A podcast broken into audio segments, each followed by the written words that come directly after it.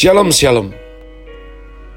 Selamat Hari Rabu 21 Oktober 2020 Kembali jumpa bersama saya Pendeta Kaleb Hofer Pintor dalam anugerahnya.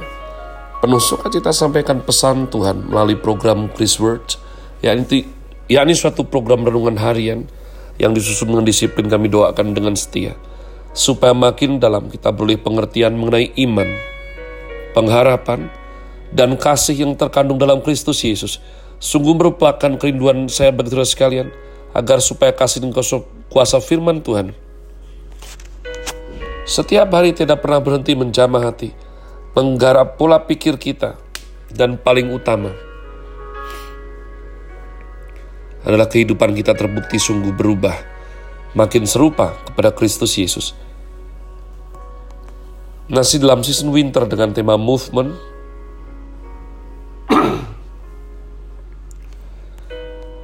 Grace Word hari ini saya berikan tajuk doa Bapa kami bagian ke-38.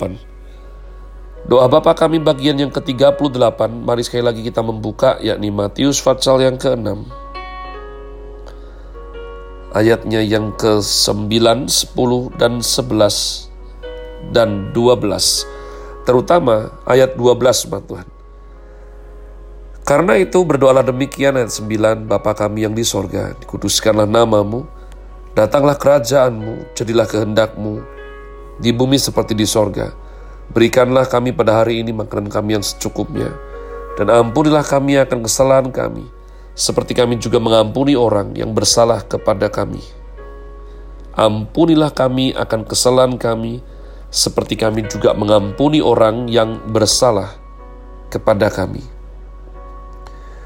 Kemarin sudah kita bahas umat Tuhan ya, bagaimana pada waktu menerima keselamatan adalah Tuhan sebagai inisiator. Tuhan mengampuni kita. Namun kita yang bukan siapa-siapa diangkatnya menjadi anak. Pada waktu kita sudah menjadi anak, maka Bapa di sorga rindu.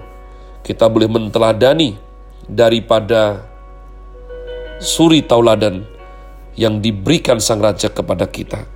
Yakni kita mempunyai inisiatif untuk terlebih dahulu mengampuni orang yang bersalah kepada kita umat Tuhan.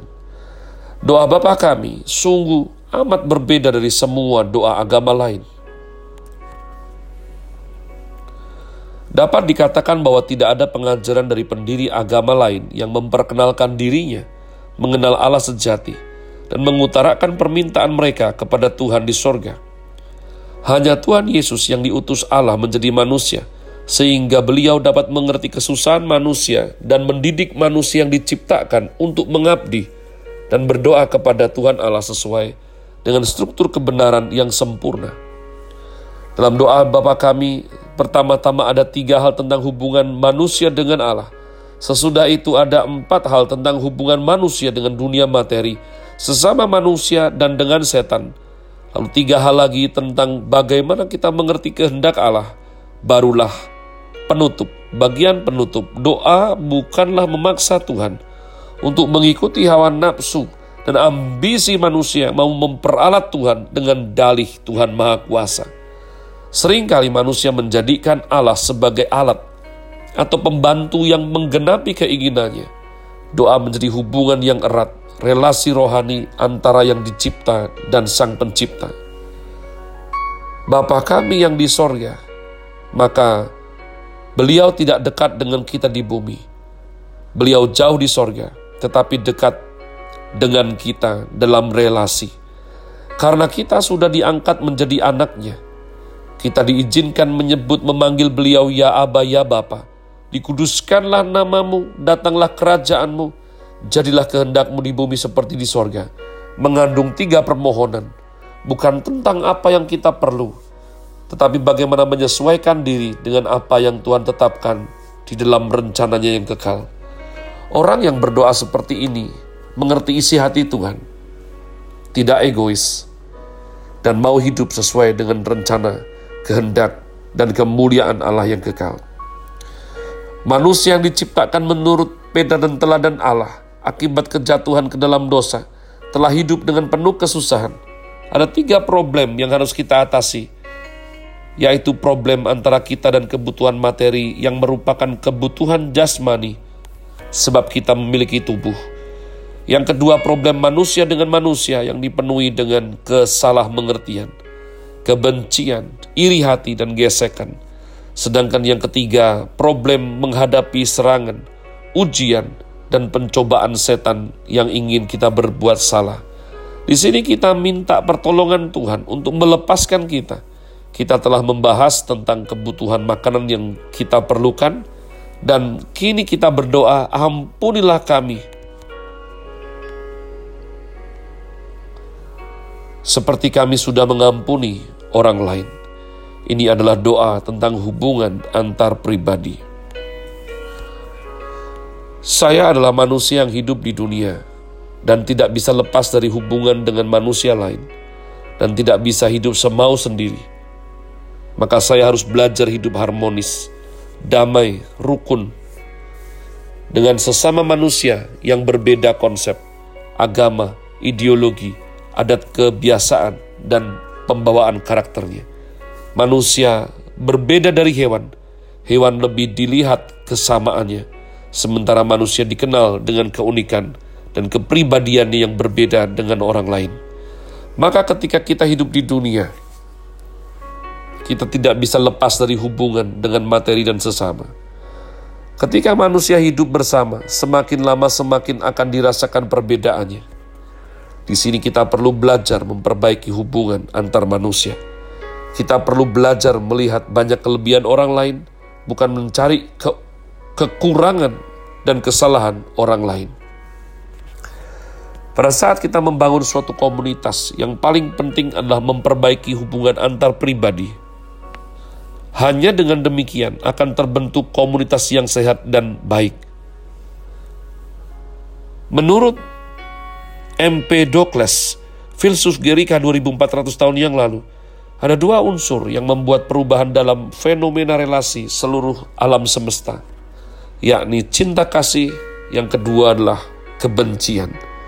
Di mana ada cinta kasih, manusia saling mendekat, bersatu, saling mengampuni, saling mengerti di mana ada kebencian, manusia saling menolak, menggeser satu sama lain, bertentangan, berperang, dan menghancurkan. Hanya ada dua kekuatan ini yang menentukan relasi antar manusia. Jika manusia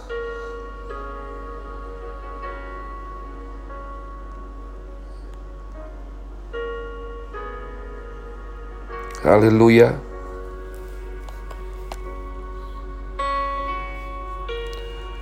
Jadi umat Tuhan. Di mana ada cinta kasih, manusia akan saling mendekat. Di mana ada kebencian, manusia saling berperang membunuh. Jika kekuatan cinta kasih melebihi kekuatan benci, maka pembentukan penggenapan kesempurnaan terjadi. Namun jika kebencian melebihi cinta kasih, maka kerusakan, pemberontakan, dan kehancuran yang akan terjadi. Ketika terjadi benturan, Tuhan Yesus mengajarkan dalam doa ini, "Ampunilah kami, seperti kami telah mengampuni orang lain yang bersalah kepada kami." Tidak ada seorang pun yang tidak bersalah. Memang kesulitan kita di dunia ini, yang pertama adalah antara saya dan dunia materi tetapi kemudian yang kedua adalah antara saya dan sesama saya. Ada orang yang mencintai materi sampai dibuang Tuhan. Ada orang yang begitu mencintai Tuhan dan tidak mau materi sampai kelaparan kurang sehat dan akhirnya sakit. Tuhan meminta hubungan kita dengan dunia materi secukupnya saja.